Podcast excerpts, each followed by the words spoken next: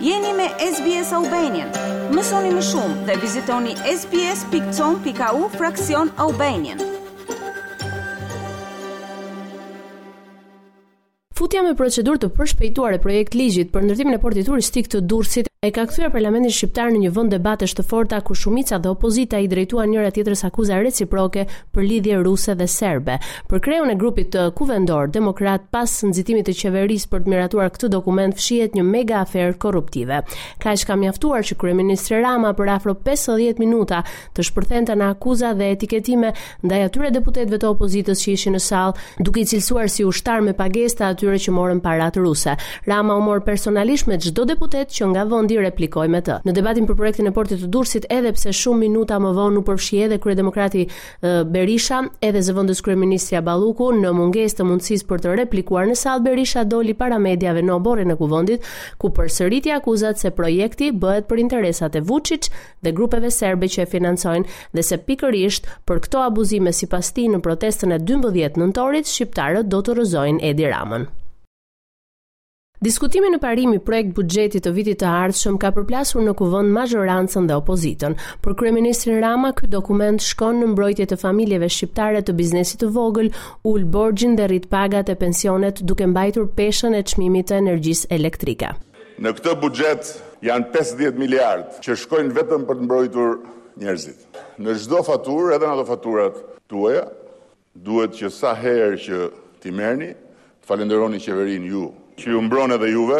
Gjithçka është kundërshtuar nga Sali Berisha i cili e cilësoi buxhetin e vjedhjes së shqiptarëve duke folur me shifra, krahasuar me tetë vitet e qeverisjes së tij. Edi Rama nga ana tjetër hodhi poshtë çdo pretendim të opozitës për rritje taksash ndaj biznesit të vogël, por Sali Berisha e akuzoi se në nëntë vite qeverisje falimentoi këtë sipërmarrje. Rritje të sanksioneve sipas Ramës do të ketë vetëm ndaj biznesit të madh, kur kapet në shkelje, por Berisha nuk u mjaftua me akuzat për buxhetin duke i treguar se në dymbëdhjetë nëntor do të ketë në shesh popullin e zemëruar. Qeveria parashikon që vitin e ardhshëm të rrisë pagën minimale treqind e gjashtëdhjetë mijë lekë, të vijojë financimet e koncesioneve të shëndetësisë dhe të rrisë shumën e skemës mbështetëse në sektorin e bujqësisë. E zhgënjyer thellësisht nga zhvillimet brenda Partisë Demokratike, forcë për të cilën ajo luftoi më shumë se nëntë vite, Grida Duma nuk është mjaftuar vetëm me dorëheqjen si nënkryetare, por shkoi edhe më tej duke dorëzuar mandatin e deputetes. Ishte një përpjekje e madhe e imja për të mbajtur balancat, për treguar të vërtetat, për qetësuar konfliktet, por sot, para zgjedhjeve lokale, maksimizimi i forcës së Partisë Demokratike nuk ka ndodhur. Rruga e vetme e duhur Për maksimizimin është bashkimi si parakusht, jo copëtimi.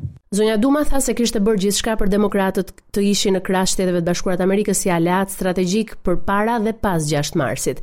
Largimi i saj ngjit në parlament si deputete moderatoren Oriela Nebiaj, por Duma nuk është e vetmja në radhët e demokratëve që hoqi dorë nga mandati i deputetes, të mërkurën pritet të zyrtarizojë largimin dhe Alfred Rushaj, vendin e të cilit pritet ta zërë Petrit Doda. Gjykata e Posaçme e Apelit ka gjetur të pabazuar në ligj vendimin e shkallës së parë e cila ka liruar me arrest shtëpie Alqi Bllakon dhe e ka kthyer atë në burg ku do të vijojë të hetohet për korrupsion dhe shpërdorim detyre në dosjen e inceneratorit të Fierit. Spaku gjithashtu i tha gjykatës së Apelit se pretendimi për gjendjen e vështirë familjare ishte ngritur edhe më herët nga Bllako dhe nuk ishte vlerësuar si argument për lirimin e tij. Për avokatin e ish-deputetit Alqi Bllako, Sokol Hazizajn, nuk kishte asnjë arsye që Apeli ta rikthente në burg. Ish-deputeti socialist akuzohet nga spak se ka përfituar mbi pesëmbëdhjetë milionë lekë në formë rryshfeti, duke shpërdoruar detyrën për favorizimin e kompanisë fituese të koncesionit të inceneratorit të Fierit. Ministrja e Infrastrukturës dhe Energjisë Belinda Balluku ka bërë me dije gjatë një deklarate për mediat se qeveria shqiptare ka vendosur të mos aplikojë fashën tetëqind kilovat në orë për muajin nëntor. Balluku bëri me dije se gjatë tetorit në Shqipëri konsumi i energjisë është shtatë për qind më pak se vitin e kaluar, Po ashtu ajo u shpreh se gjatë fundjavës nuk pati reshje, megjithatë pritet që pas datës trembëdhjetë nëntor të ketë evente meteorologjike në zonën e interesit, pra në Kaskadën e Drinit. Vetëm në javën e parë një mijë e njëzet e gjashtë qytetarë kanë aplikuar për të përfituar nga plani i Ministrisë së Energjisë për instalimin e paneleve diellore për ngrohjen e ujit, një proces që do të kryhet nga disa kompani. Dhe duke marrë shkas nga ky fluks i lartë, Balluku tha se qeveria angazhohet për të rritur fondet, duke e shtuar numrin nga dy mijë aplikime në katër mijë deri në fund të këtij viti. Ndërkohë ERE ka vendosur që hyrja në fuqi e fashës orare 800 kilovat do të jetë për muajin dhjetor. Raportoi nga Tirana për Radio SBS Gerta Heta. A ju pëlqeu ky reportazh? Për më shumë vizitoni Apple Podcast, Spotify ose faqet e tjera të podcast.